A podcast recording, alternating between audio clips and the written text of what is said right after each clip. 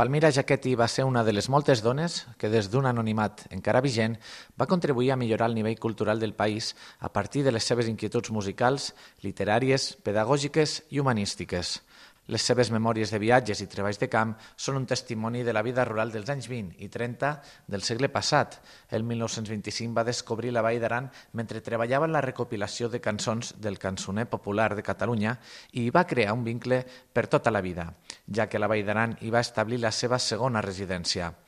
Així doncs, aquests dies l'Aran dedica una setmana cultural amb conferències, exposicions i obres de teatre a la seva figura. Sentim Carla del Valle, directora del Museu de la Val d'Aran.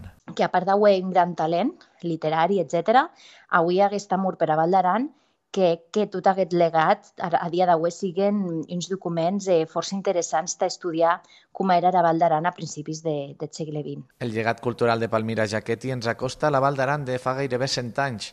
Gràcies a ella coneixem les cançons que es cantaven, la manera de viure de la gent i la seva forma de parlar.